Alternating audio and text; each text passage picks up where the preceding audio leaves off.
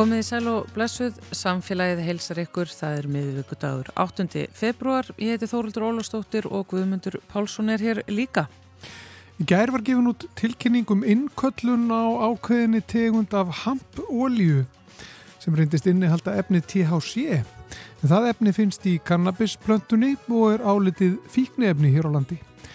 Hampolja þessi var til sölu í maturverslunum meðal annars og THC mæltist við eftirlit vera yfir leifilegu mörgum. Annað efni sem unnið úr kannabis er CBD sem ymsi telli að geti verið afar heilsusamlegt til dæmis sem fæðubótarefni Við ætlum aðeins að ræða þessi mál við Þórhald Inga Haldorsson, professor í matvala og næringafræði Háskólu Íslands, hans sestinn eftir smástund. Við ræðum líka við Rannvegu Tröstadóttur, professor emeritus í föllunarfræðin við Háskóla Íslands, en um þessar myndir er loks verið að fagna því að hálf öldir liðin síðan námsbröyti í þjóðfélagsfræðum var stopnud innan Háskólans. Innan hennar var félagsfræðin, mannfræðin og stjórnmálafræðin. Þetta er sem sagt fyrirvari félagsvísitadeildar sem hefur auðvitað þróast og stækkað mikið. Sálfræðin er þar inni núna og fjöldi þver faglegra baróttugreina eins og kynjafræði, föllunafræði og hinseinfræði. Hvað var háskólinn eiginlega áður en að þessi deildu var stopnud og hverju breytt hún fyrir skólan sem og samfélagið? Rannveg rifjar þetta og ýmislegt fleira upp með okkur. Svo heyrum við málfarsminútu og þetta Olgudóttir kemur svo til okkar í vísindarspjall. Hún ætlar að segja ykkur frá mælingum á mengun af völdum örþráða í fötum. Já. Við erum þetta smá stund og kannski verður ruslarab líka ykkur staðar hérna á sveimi. En við ætlum að byrja á hambólju og ýmsum efnum sem geta leinst í slíkri ólju.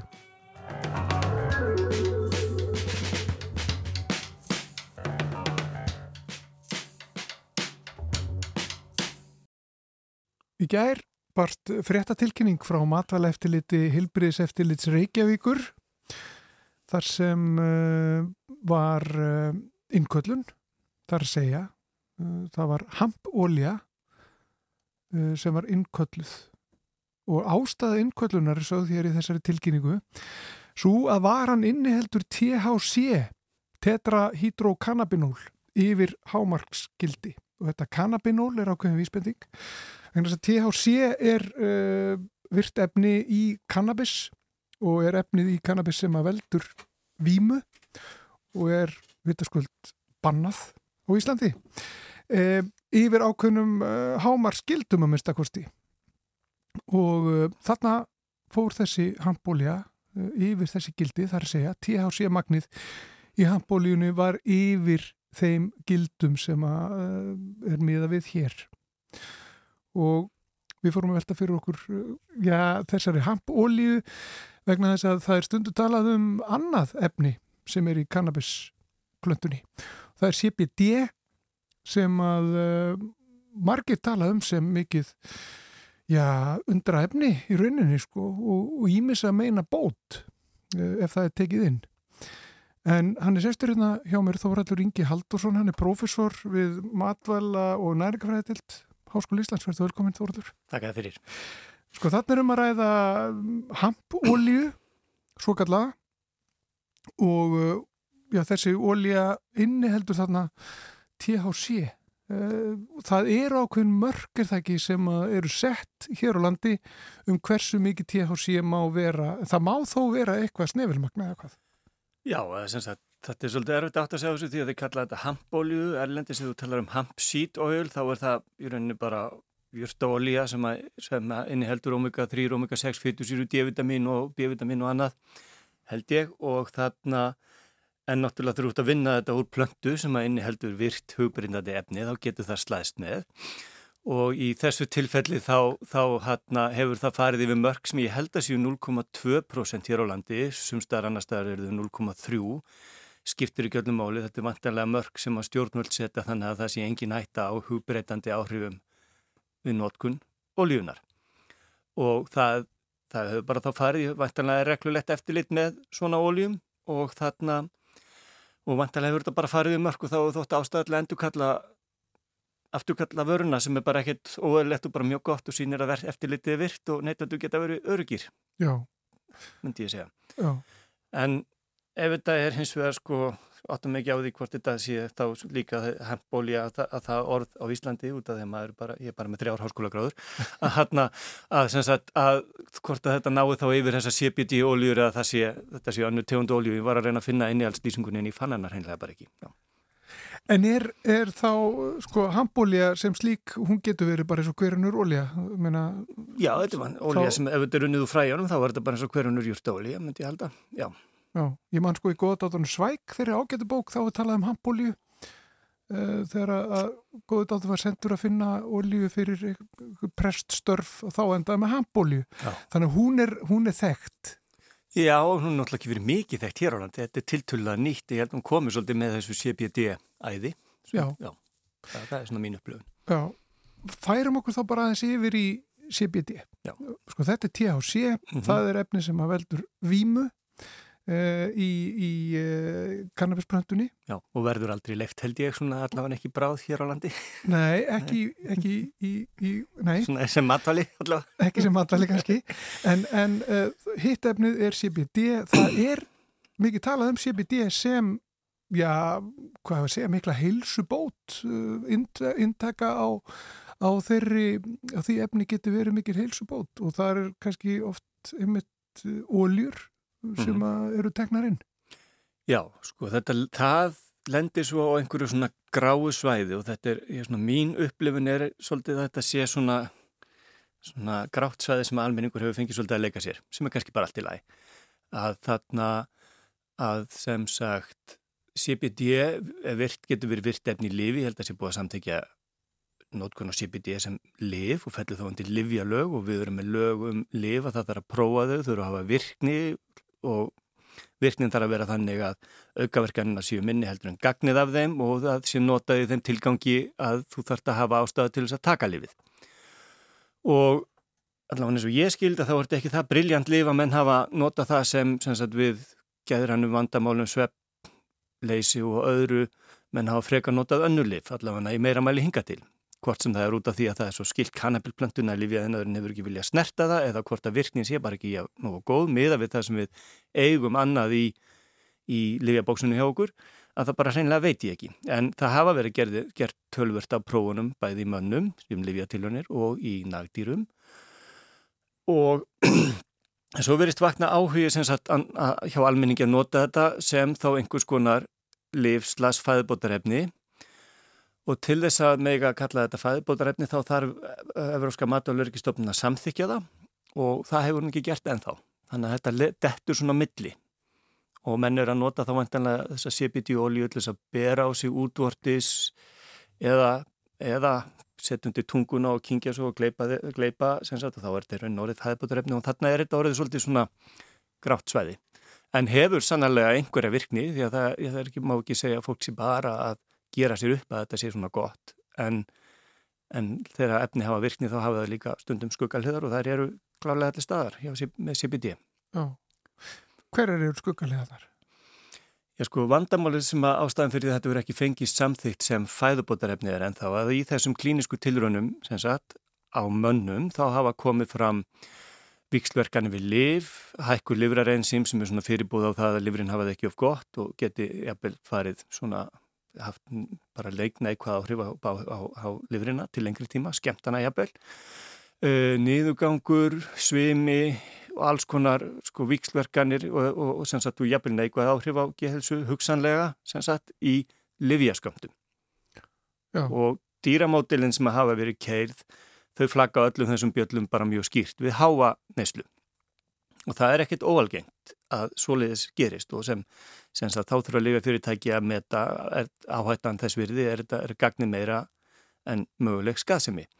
En þegar kemur að því að samþykja þetta sem matvæli þá þurfum við, allavega ég vinn svolítið við svona rákjöðvarandi matvæla svona mat á svona efnum, að þá þurfum við að vita hvar likja mörkin þannig að við hleypum í svona markað og 10.000 manns fara að taka þetta reglulega, getur við verið vissur um að þá sé skamturinn þannig að það verði ekki viðvarandi skemtir vikstverkanir við lif menn kom eftir 20 ár með, með, með sagt, að lífurinn hafa það mjög að lífura skemmtir eða eitthvað svolítið til langvarandi neyslu.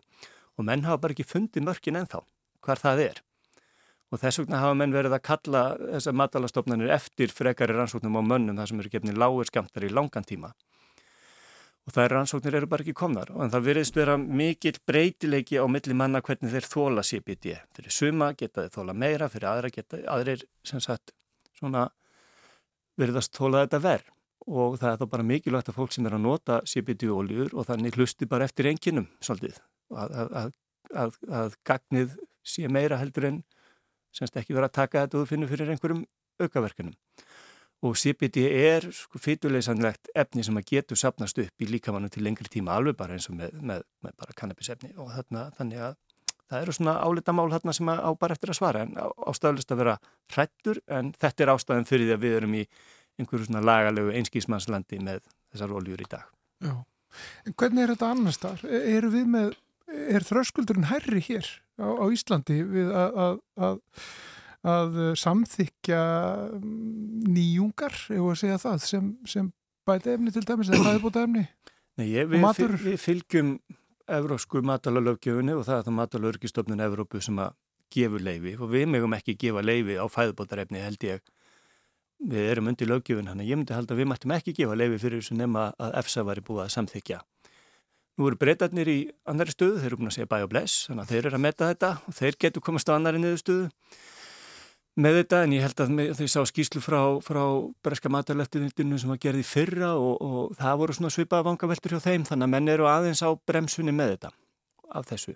Af þeirri einföldu ástæðu að matvæli eiga að vera örug og maður getur ímyndað sér sko, ég skil alveg fólk sem að og kannski er bara þá allt til að þetta sé í lagalegu limbúi og fá, menn fá ekki að kalla þetta fæðbúturrefni og menn sem að telja sig að gagna þessu geta og konur geta notað þetta. En ef við verðum að gefa leifa á þetta með að við þar upplýsingar sem við værum núna að þá værum við komin í svona mótstöðu við sjálf okkur með að við það við gerum ríka kröfur á það maturinn sem við fáum í búðunum sér örugur og þetta, það eru bara rauðflögg þarna ennþá. Og ég myndi segja það sama með eins og með liv að almenningu var mjög skeptiskur þegar við sko gáum bóluefnum flítið meðferð og af hverju ættu við að gefa afslátt á, á þessu svona. Já, en það eru ímis efni sem er hægt að kaupa út í búð uh, í svona kannski hilsu rekkonum, mm -hmm. ímis bætefni, ímis uh, fæðbótarefni uh, sem að hafa uh, virkni og er vitaðið það ekki að hafa virkni og geta líka haft kannski ykkur af vikslverkani við liv og, og svo framvegs en eru enga síður liv. Jú, en þegar ég myndi segja að þetta væri svona í sterkari þú ert komin alveg í Pilsner Plus þarna allavega eins og ég les það sko. Skilur þú, þú veist við lefum Pilsner 2,25 en ekki meira. Og þarna en ég myndi segja að þetta er, svona, þetta er á svona einhverju Pilsner leveli þarna sem þessar að fæða bóta og kannski er það í lægi að því leiti að almenningu getur leitað í einhvers konar veik efni sem að hugsanlega gera því gott. Þú veist, ég veit ekki, ég hef ekki skoðun að því en, en, en, en fæðubóta markaðurinn virðist lenda í einhverju svona einskísmannslandi en það er líka mikilvægt að fólk sko að verða að skilja þessa reglur. Við erum með mjög stránga löggefi kringum liv til þess að við getum treyst í þegar við fáum skrifað og við treystum því meiri seg ekki eins og með því miður eins og með bóluefni og annað stundum en ímyndaðu ykkur hvernig þetta væri ef við væri með slakari reglur varandi líf. Þannig að, og sama með matalögjöfuna, þannig að kannski er þetta bara á réttum stað eins og það er, en það er mjög mikilvægt að almenningu svona viti af því að þú veist, þó þetta sé þarna, þá, þá er mikil neysla á einhverjum svona lífvirkum efnum í fæðubótaskýni þó hún geti gert manni gott og þá, þá eru þá er hún ekkert, þá er þetta ekkert, sem sagt, algjörlega skadlust ef ítlaði með þetta farið. Mm -hmm eftirlit eins og í, í þessu tilfelli sem við byrjuðum á að tala um hér þar sem að var þessi handbólja sem að reyndist innihalda THC yfir leifilegum mörgum slíkt eftirlit, er það, er það mikilvægt og er það um, já, er, er nægt eftirlit? Eða er of mikið eftirlit, sumum finnst það kannski? Sko ég held að með þessari vöru þá vil ég stjórnund hafa eftirlit með að það sé ekki að detta inn óljur með hugbrítandi áhrifum sko. Og það held ég að, að það sé bara nokkuð gott, ég held að séu tekna reglulega stikkbrúður. Þannig að ég held að eftirliti sé stundum svolítið í réttu hlutallu við áhættuna, þannig sé. Og, hana, og það er bara gott að það sé eftirlit og, og hérna og þá var spurning hvernig eftirlitið er. Veist, þetta er ekki alvarlegt ég myndi, má ég ekki kannski tala þannig en ég myndi segja að það er ekki alvarlegt að vara sér afturköllu, það er oft, sko, það er oft vísbendingum það að hlutinni sé í lagi. Bæði gagvart framleðendunum og gagvart sko, yfirvöldum Þannig að, að betra hafa eftirlit þar sem að menn bara dræði þá tilbaka og það er einhver lítið klátt að kostnaður heldur en það sé mjög sjaldan eftirlit og miklar afleðingar ef eitthvað fyrir úrskiði. Svona mér, mér, mér líst bara, mér finnst það bara svona, svona bara hröstleikamerki að þetta sé að, komi, að lesa stundum þessar afturkvölduna fréttir. Einmitt. Þóraldur Ingi Haldursson, profesor við matvalafræði og uh, næringafræði deild Háskóli Íslands. Rétt, réttu títill. Já, já, já. Já. Takk fyrir komuna í, í samfélagið. Takk fyrir það.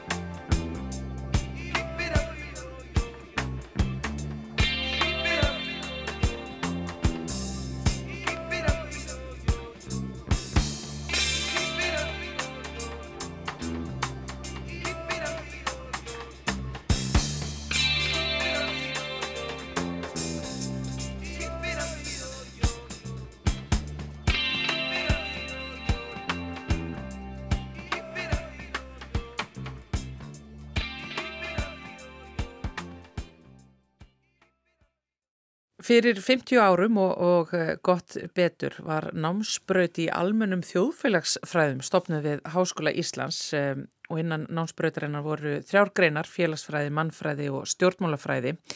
Það er út af COVID sem að það er fyrst núna verið að halda upp á þetta hálfurar aldar eh, ammæli en eh, við ætlum að þess að líta á þetta hér í samfélaginu og höfum fengið til okkar Rannvögu Tröstadóttur sem er profesor emeritus í föllunarfræði. Hún er einn þeirra sem að tekur til máls í tilitni þessara tímamóta og þá halda ammælsháttið í háskólanum núna á förstu daginn og þú ert komin hinga til okkar Rannveg, sælverstu? Já, takk fyrir, kom sæl. Sko, voru þetta mikil nýmæli þegar uh, þessi braut, námsbrauti þjóðfélagsstofnun var uh, sett á lakirnar? Þegar þessi námsbrauti þjóðfélagsfræði var sett á lakirnar þarna fyrir 50 árum, var þetta bara eitthvað mikið akademist flip á þeim tíma? Ég segi nú ekki að þetta hafi verið akademist flip, en þetta var mjög brínt verkefni fyrir háskólan að taka á því að á þessum árum þetta sprettur upp úr þessum þjóðfélags óráa og endur skoðum bara öllum reglum og aðstæðum, sérstaklega í mismunandi hópa valda hlutvöldum í samfélaginu sem ofta er kent við 68 kynnslóðina og uppreysn hennar og stúdenta óerður og uppreysnir í Evrópu sem voru nú sko mjög ábyrjandi á þessum árum þarna á sjönda áratögnum og það eru náttúrulega stúdentar við Háskóla Ísland sem eru að krefast þess að háskólinn ávarpi á eitthvað hátt og sinni þessum nýju samfélagsbreytingum og rýni í þær með einhverjum svona skipilugum, fræðilegum hætti og það er ekkert síst stúdendar með liðsynni sumra en alls ekki allra innan háskólans sem að bera þessa baráttu fyrir þessum nýju greinum uppi. Og ég verði að segja það að líta tilbaka og hvernig þetta hefur þróast að þá hafa eh, félagsvísindin og þessar fræðgreina hafa náttúrulega haft geysilega mikil áhrif á samfélagi bara til þess að rína og skilja og, og greina og, og, og hérna taka út hvernig okkur gengur og þetta eru meðal vinsalastu greina í háskólanum í dag. Já, ymmit á þessum 50 árum hefur greinunum sko innan eh, þessa fræðasiðs fjölgað náttúrulega rosalega. Já, þeim, þeim hefur fjölgað mikið og, og, og það var gerð skiplansbreyting 1976 að það var stopnið félagsvísinda deild og þá komu greinar annar staðar að, aður háskólanum sem að tengdust hérna, félags um, í félagsvísinda deild og eh, eh, hérna, mynduði hana. En svo voru náttúrulega, sko, þetta, þetta sprettur upp úr baráttur reyfingum sem eru þarna í gangi á þessum tíma í samfélaginu og bara um allan heim. Og víða eru þetta baráttur reyfingar eins og baráttur reyfing svartra fyrir fullum borgarlegum réttindum í bandaríkjónum. Þannig að aðskilnaða stefna bandaríkjónum var ekki aflöf fyrir með lögum 60 64 Já. og hvennarhefingin er hérna mjög öflug víða um heim og síðan koma hins einn hrefingar og, og, og barátturhefing fallasfólks í kjölfarið en til Íslands náðu ekki að koma svona fræðegreina sem endur spekluðu allan þennan óróan fyrir talsvert setna og þá að við hvenna á kynjafræði og föllunafræði og hins eginn fræði. Hvernig er það að gerast upp í háskóla? Bara ef þú getur rifjað upp Já, sko, það er nú kannski ágætt að rifja það upp að hvennafræðin er nú svo sem að kemur fyrst að þessum fræðigreinum og er lang upplugast og er enn svo sem að hefur lang upplugasta stöðu innan, innan háskólans í dag af þessum svona þverfræðilegu bartugreinum.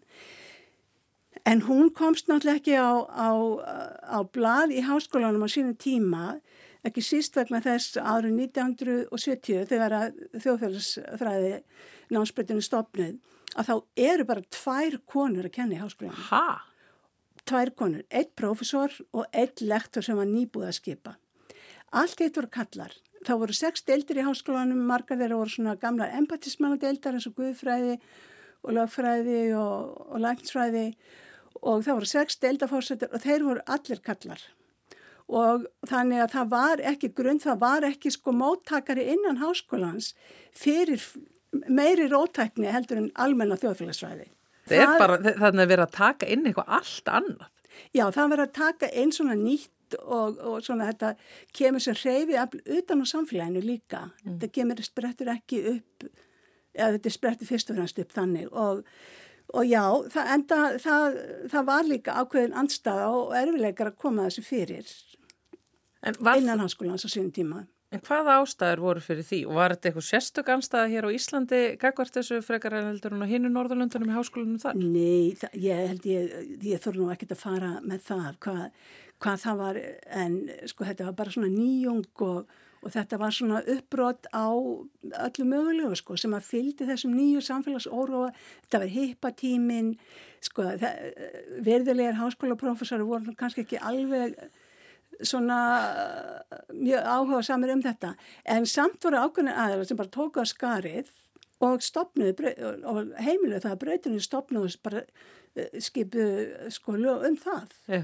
Þannig að það, það, það var ekki engöngu andstæðin, það var ákveðin andstæð við þessum nýjungum mm. alveg eins og það hefur verið ákveðin andstæð fyrir því að til dæmis að koma að kynja fræði álaginnar og það hefur náttúrulega verið svona konur áttu mjög lengi á brattan að sækja innan háskólans. Til dæmis er fyrsti deildarforsetin sem er kona er ekki kjörun deildarforseti fyrir 1997. 1997? Já. Er þetta þá fyrst að gerast? Þá fyrst er kona kosin deildarforseti við, við heimsbyggi deild í háskólanum og kynjafræði er ekki stopnuð fyrir 1996. Þannig að það tók ansi langan tíma að konur fengi, sér, fengi fótfestu innan háskólans og þetta er eitt af því sem ég ætla að tala um. Það, það eru þessar nýju baráttugreinar, barátta fyrir réttlæti, barátta fyrir breytum skilningi á aðstæðum ákveðna hópa sem byggur við valdaleysi eða mismunun eða jáðarsetningu eins og til dæmis bara konur. Já falla fólk, hins eginn fólk fólk á þjórninsópum sem hefur nú ekki verið eins brennandi hér á landi að því að við höfum nú verið frekar einsleit sko en, en þessar greinar sem ég ætla svona taka fram og, og, og hérna fjalla um á þessu amalisófi þær, þær eru svona ákveðna bartugreinar sem að sko e, og þá er til dæmis gert mikið grín að að kynjafræðin þegar hún kom fyrst fram. Já, já. Og þótti mjög hérna kjánalegt, þetta var nú kallað kvennafræði fyrst en það tók talsverðu baráttu hjá fjölda kvenna innan háskólans að koma kvenna á kynjafræði á stopn sem sjálfstæðri námsbreyt og það sem að enkenni þessar þessar nýju baráttugreinar er það að það er skilgreina sig sko taka afstöðu það er skilgreina sig sem sem fræðgreinar fyrir ákveðna hópa, ekki bara um þá. Mm. Þetta eru greinar sem vilja berjast fyrir réttlæti, félagslegu réttlæti, jafnrétti og gegn mismunum, gegn ákveðnum hópum og berjast gegn svona gömlum staðlýmyndum en þá konur séu veiklunda og háðarköllum og við hvað maður töða veiklaðar og, og svart fólk sé svona heimst og og þú veist svona óheflað og, og falla fólk sér sjúkt og þeirra líf persónlegur harmleikur og að hérna Allar þessar stereotypi hugmyndir sem við höfum já, um jáðarsetta hópa. Emitt og til dæmis það að, að samkynneið sé annarkot sjúkdómir að synd. Já. Þannig að þessar greinar rýsa mjög, eru svona barndgreinar og rýsa upp úr barndu þessara hópa út í samfélaginu og tengjast þeim og hafa tengst þeim oft miklu nánar heldur en aðrar fræðigreinar við háskólan því að þetta er svo nátegn við vildum ekki bara breyta fræðunum við vildum breyta heiminum. Já, og þannig í rauninni er þá sko háskólinn nittur til þess að spekla samfélagið sem að ná náttúrulega að vera hluta af. En það er náttúrulega alltaf daldið íhaldsemi innan svona kerfa akademiskra sem og annara Já það, já, það tekur alltaf tíma að, að koma nýjum hugmyndum á framfæri og það er mjög erfitt að, að svona, háskólinn er alltaf mjög formförst stopnun á mörgu leiti og, og á að vera það, kannski.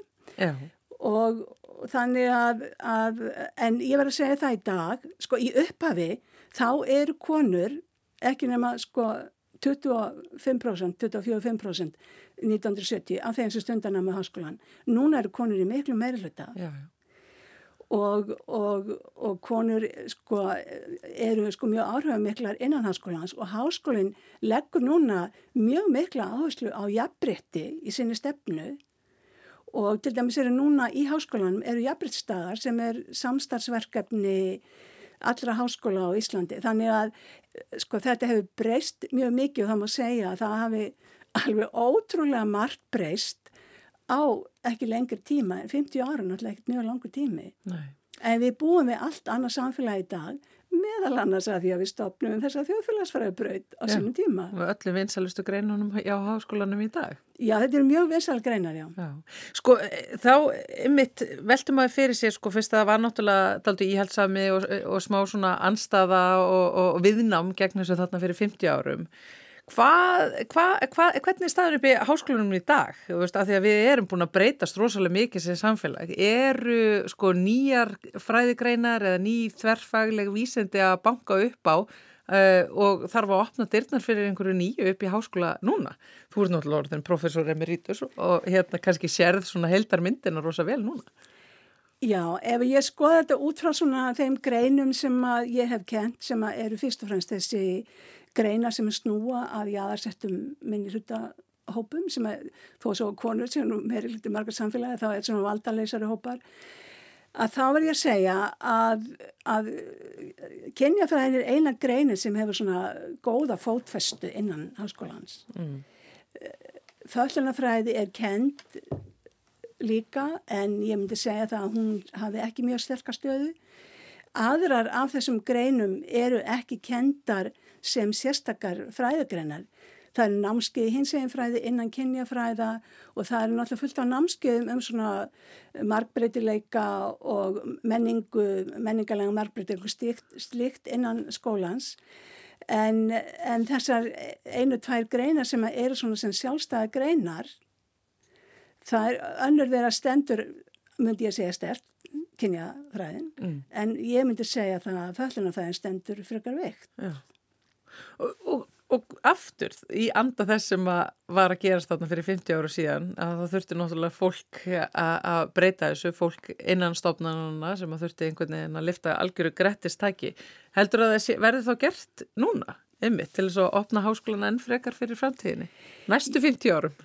Ég þá nú ekki að segja um það. Mér sýnist nú bara á fréttum dagsins í dag að þá stendur háskólingum fram með fyrir bara niðurskurði sem að ég bara skil ekki og er bara þörft á, á alla skynsemi, þörft á stefnfríkistjórnarinnar í málöfnum háskóla, vísinda og nýjunga og bara framtíðin, sko, hún byggir náttúrulega á vísindum og tækni að mjög stórun hluta.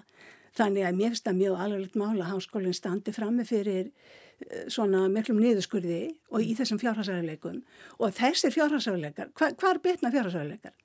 Á þeim sem eru veitbarði og standa höllum fæti, það er auðvitað að skera þá af heldur en aðra. Ja. Þannig að ég hef bara miklu aðhuggjur af þeirri stöðu sem háskólinn er í dag. Ég vil segja það. Þegar þið komið saman eh, núna á förstu daginn og, og, og skoðið eh, og fagnið eh, þessari námsbröyti þjóðfélagsfræði og þið öll sem hafi verið í félagsfræðinu og mannfræðinu og stjórnmálafræðinu og kynjafræðinu og föllunafræðinu og hinseginfræðinum allt þetta fræðafólk sem hefur kent og, og numið innan þessara deildar. Eh, eru þið er, er, er þetta fríðarsangoma eða eru þið veist, eru þið hvernig starfið þið saman? Þverfaglegt, er bara átt á milli greinana hvernig, hvernig ég er reyna átt að með á því sko, hvernig þetta parti er. Já, sko allavega við sem höfum staðið því að undirbúa þessa amalagsáttíð að það hefur verið ákveðlega gott samstarf okkar á milli og já, ég myndi segja það að það sé samstarf samvinna á milli þessar greina og uh, þannig að það, það er ekki svona baráta eða leiðindi sko innan háskólanum milli þessara greina. Ég... Ekki svona akademisk keppnu um hver með mikilvægastu fræðin? Nei, ég, mér finnst það ekki sko. Mér finnst bara það vera mikilvægt að, að við vinnum saman og, og við erum náttúrulega öll að reyna að leggja okkar að mörgum til þess að greina og skilja og bæta Íslands samfélag. Þessar samfélagsfélagsvísinda greinar eru í því og, og hérna það eru bara allir velkonni sem hafa áhuga að koma og halda á þetta með okkur þessi háti byrja klokkan halv fjögur á fyrstæðin og stendur í rúma tvo tíma og síðan eru svona léttar veitingar og fólk getur spjallað eftir mm. Og þarna munu tala svona frumkvælar í þessum greinum og við svona erum svona að velta fyrir okkur hvað áhrif hafa þessar greinar haft og hvað hefur áhengist og og svona hvernig hefur gengið með þessar baráttugreinar líka og svona. Þannig ég held að, ég hlaka til allavega ég held að þetta verði bara mjög skemmtilegt hérna Amalisparti Já, til hamingju með þetta enn og aftur, uh, Rannveig Tröstadóttir professor Emeritus í Föllunafræðum og takk hella fyrir að koma hingað í samfélagið. Takk fyrir mig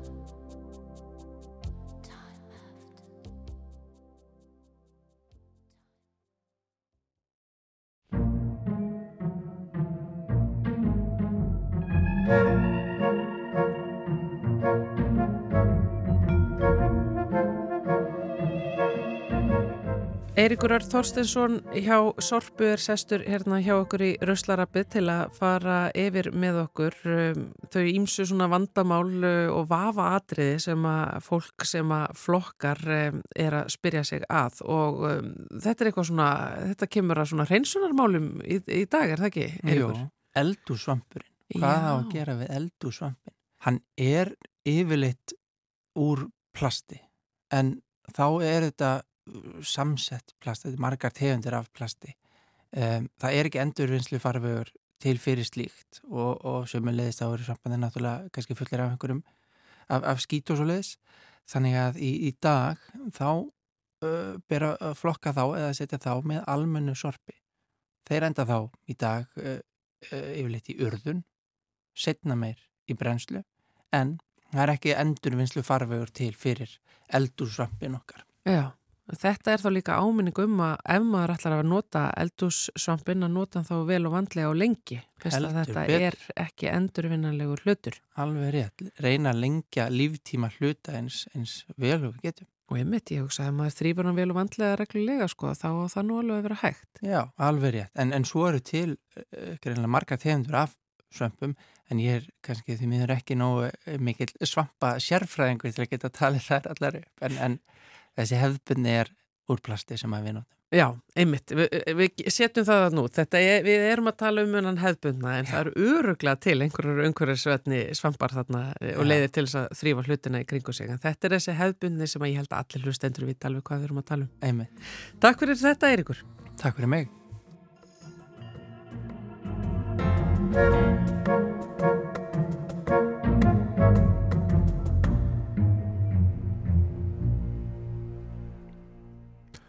Þannig hljómaði ruslarappið. Við höfum ennþá eftir að uh, ræða ímislegt hér í samfélaginu áður en klukkan slær tvö. Við höfum eftir að heyra málfarsmínut og svo ætlum við í vísindarspjall með henni ettu Olgudóttur uh, á eftir.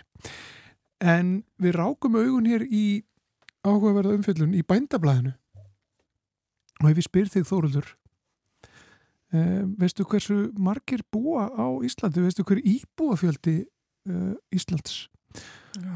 var sem sagt uh, 2022 Nei, síðast þegar lagði þetta minnið á Sko síðast þegar lagði íbúafjöld á Íslandi á minni þá var það 330.000 Já, það er hálf langt síðan Það eru vorðið mörgum Nú er íbúafjöldi landsins eða 2022 samkvæmt tölum byggðarstofnunar sem er farið yfir hér uh, á, á uh, VF bændablasins þá var íbúfjöldi landsins 376.248 mm.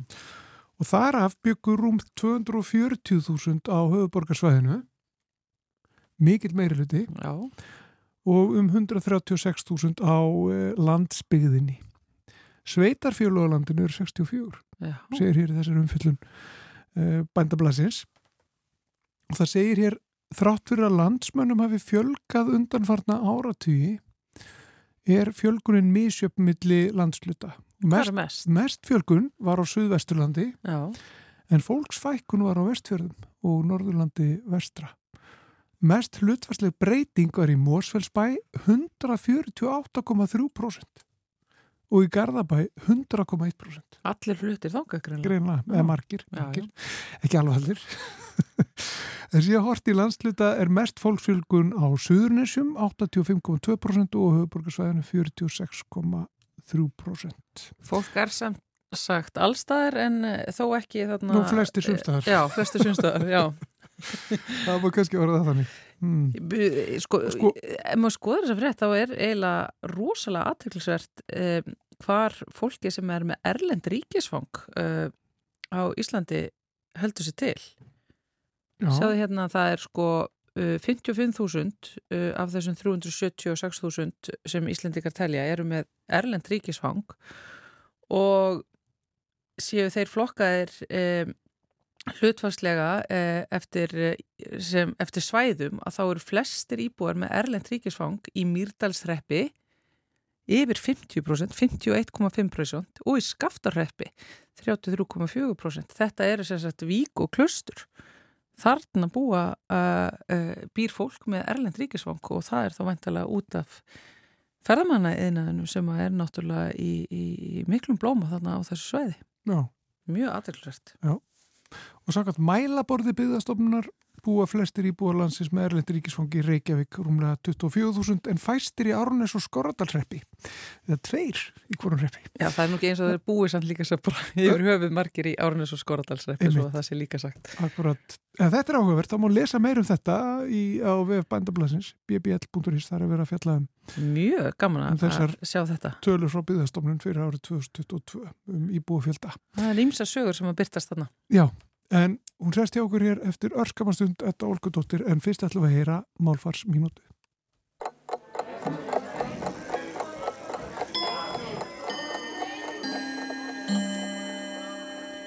Orðið orðskripi verðist fyrst hafa komið fram á átjánduöld. Framanaf var það fremur lítið notað en smám saman fóru vinseldir þess vaksandi og líklega hefur það sjaldan verið meira notað en núna þegar stöðugar umræður og skoðanaskipti um íslenskt mál eiga sér stað á samfélagsmiðlum. Tvö eldstu dæmin um orðskripi eru í rítum lærdómsleiksta félagsins undir lok átjándualdar en mér hefur ekki tekist að finna þau. Það er erfitt að nota netið til að flett upp í texta með letri sem er ílskiljanlegt leitarvélum. En þriðja dæmið er í fjölni 1839. Þeir fjölnismenn grýpa til þessa orðs í umfjöllun um málið á sunnanpóstinum. Þeir telja að fólki geti verið vorkun að því að þurfa að grýpa til orðskrýpa þegar ekki eru til íslensk orð við hæfi.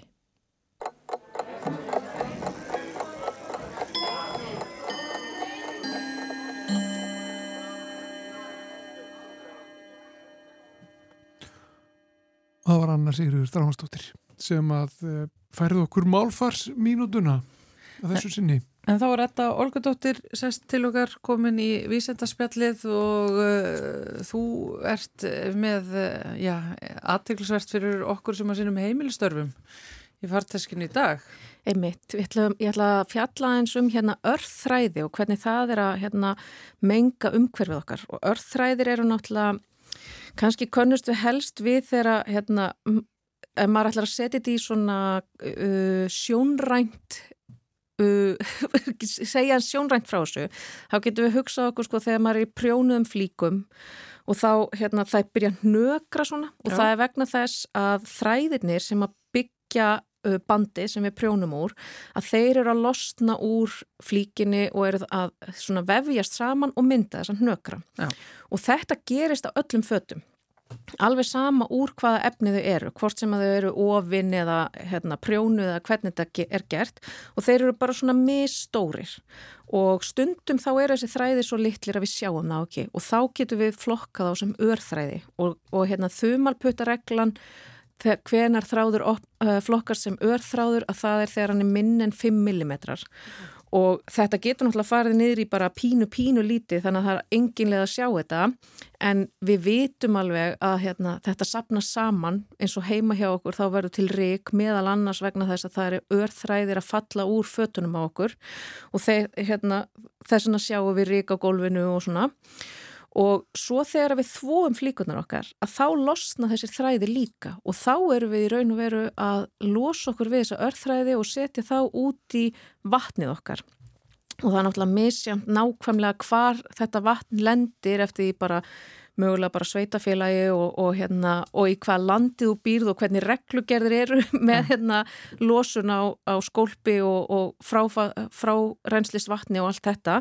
En þetta allavega fer út í náttúruna þó við séum með einhverja síur á þóttavilum og það mælist, þetta mengar vatnið okkar. Og nú erum við eiginlega komin á þann stað að þetta er hérna farið að verða bara svolítið vandamál og hérna á, og til þess að reyna að taka á þessu vandamáli þá er náttúrulega mikilvægt að skilja hvað það er sem við erum að díla við, hvað, af hverju verða þessir örþræðir til og hvað, hérna, hvernig getum við komið í veg fyrir þetta. Og það var hérna rannsóknarhópur við University of Leeds sem er í, í hérna Breitlandi sem að tók saman, skoðaði bara hérna þær rannsóknir sem hafa verið gerðar á eh, hvað segir maður, því sem að fellur út úr þóttavilum og skoðaði bara hva, hvað er mikið af hérna örþráðum að falla út og hvernig er best að mæla það og þau sáu að svona helstu, af því þegar við erum með svona rosalega margar rannsóknir sem eru byrtar bara á laungu tímabili að þá hérna eru kannski aðferðafræðin við að mæla þetta er ekkit alltaf stöðluð. Mm. Þannig að þau eru svolítið að reyna að skoða sko hvernig er, hvaða breytur er best að vera að horfa á og þau sáu að það er eiginlega þrýr þættir sem hafa mest áhrif á það hversu mikið magnaf örþráðum mælist. Það er í fyrsta lagi hérna hlutfallið vatn og þvottur. Þannig að ef þú ert með hérna, mikið af þvott í þvottavelinni þá fellur minna til af örþráðum. Ah. en það má náttúrulega ekki vera þannig að þú ert með svo yfirfulla þvottabela að þvotturinn verður bara óhreitna því þá þarfst að þvó aftur og það gerir öruglega ekki gagn. Eh, hins vegar er það hérna, hversu mikið hristist þvottavelin Þannig að ef að þvotturinn hristist mikið á meðan hann er í, í hérna, meðan þvotturinn er í gangi þá fellur til meira magn og svo þriðji þátturinn er bara efnin, hvaða efni er þetta sem, eru, sem fötin okkar eru gerð úr og út frá þessum svona pælingum að þá tók hérna hópurinn saman hérna stöðluðu þvotta aðferð til þess að mæla hvað fellur mikið út af örþráðum. Þannig að þau voru með svona rannsóknarstofu hérna, þvottavél uh, og stiltu hana á 40 gráður, 45 minútna prógram og hlutfalli var 15 á móti einum af semst, vatni og þvotti. Og, og út semst, nota þetta prógram til þess að mæla hversu mikið fellur út af örþráðum í þeirra, hérna, í þeirra þvotti og komast að því að þegar þau sagt, mæla hvað kemur mikið og umrekna það svo yfir á allar þvottavélar og umfang þvotta í Breitlandi að þá eru breytar að losa út uh, sko átján þúsund tonn af örþráðum sem að samsvarar á áris sem að samsvarar 1500 svona tveggja hæða rauðum strætóum eins og eru frægir í Breitlandi á ári. Það er alltaf bara alveg ógeðslega mikið. Og hérna og þegar að þetta fellur út í umhverfi þá eru við kannski bara farin að hafa svolítið mikil áhrif. En þannig eru við komin með sko mælitæki og erum komin með ákveðna svona einingu hvað, hversu stórt er vandamálið. Þannig að þannig erum við komin með hérna, upphafið af því að gera betur, skiljiði. Og þetta getur verið nota sem grundvöllur til dæmis til að hérna, veist, mæla hjá öðrum þjóðum en líka til þess að sko setja upp einhver hérna einhverja varn, varnir á þvóttavélar og til dæmis setja upp einhverja reglugerðir í kringum það hvernig þvóttavélar þurfa að vera þannig að við séum að síja út sem mest af þessum örþráðum svo það sé ekki að fara út í umhverfið uh -huh. mögulega líka setja reglugerðir á sko uh, vefnarinnað vegna þess að það er líka veist, við eigum að geta treyst á það sem neytendur að við séum að kaupa nægilega góð gæði til að vera ekki að menga og, og svo kannski líka að hérna þú veist, setja kannski smá, uh, hvað maður segja, ráðleggingar til neytenda að passa upp á að setja svona mikið af hérna, þvotti á móti svona mikla vatni til þess að minka þetta. Eitt af því sem að þau nefna sérstaklega er sko að, hérna, uh, að flíkur það er sem sagt, þeim blæðir mest af þessum örþráðum fyrstu þrjúskiptin sem það eru þvegnar. Þannig að ef þú ert að kaupa nýja flík og gengur í þrísasinnum og þverðan alltaf á milli, þá ert ertu vesti neytandin þannig að það er, hérna, það er hérna, gott að nýta flíkina oft uh, ekki þú á óþörfu. Og svo er náttúrulega hitt sem að kannski er svona uh, flóknari umræða og kannski er frekar svona ósangjant að setja á neytendur en samt kemur okkur mjög mikið við og það er hvers konar efni eru að velja.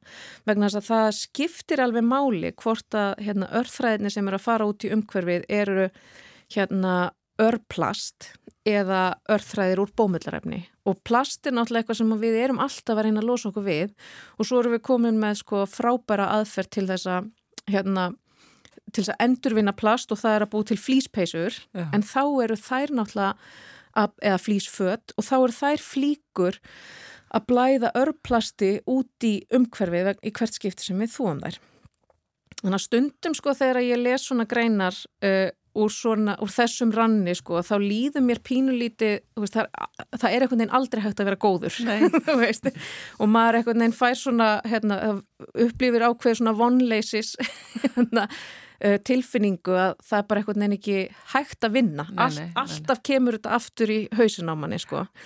en þannig erum við samt sko, við erum að byrja þessa vegferð í að reyna að koma í veg fyrir þessa mengun og fyrsta skrefið er náttúrulega að skilgreina hversu stórt er vandamálið. Og það er náttúrulega bara eh, einmitt, alltaf verið að reyna það. Það er nú allavega rosalega mikið. Ég held að það finnist nú bara ekki kræklingur í heiminu lengur sem er ekki fullur og örplasti. Ég held að það er bara, hérna, sjáalífræðingar hafa bara einhvern veginn fundið út úr því. Þeir eru bara fullir af þessu tóti úr föttunum okkar grein. Já, nákvæmlega. Og við erum einmitt, sko, við erum alltaf að mæla þetta og við erum alltaf að benda á vandamálið. Svo þurfum við kannski líka bara að svara vandamálinu og reyna að laga þetta. Og mm. það er hérna, það sem að maður upplifir svolítið vonleysið. Og hinn leiðin væri náttúrulega bara að setja sko, kannski getur við bara erðabreytt öllum þannig að okkur myndi vaksa feltur aftur, það væri mjög þægilegt. Það er frábær hugmynd. Af því að svo er, sko, svo er þessi tísku yðnaðarinn, hann er líka bara mjög mengandi. Það er bara þannig, því miður. Og sérstaklega vegna þess að við erum náttúrulega hérna, neytendur með sko ákveðin svona félagslega hérna, félagsleg stígun og það hérna fötinn sem við klæðumst segja svo litið um okkur sem persónu líka.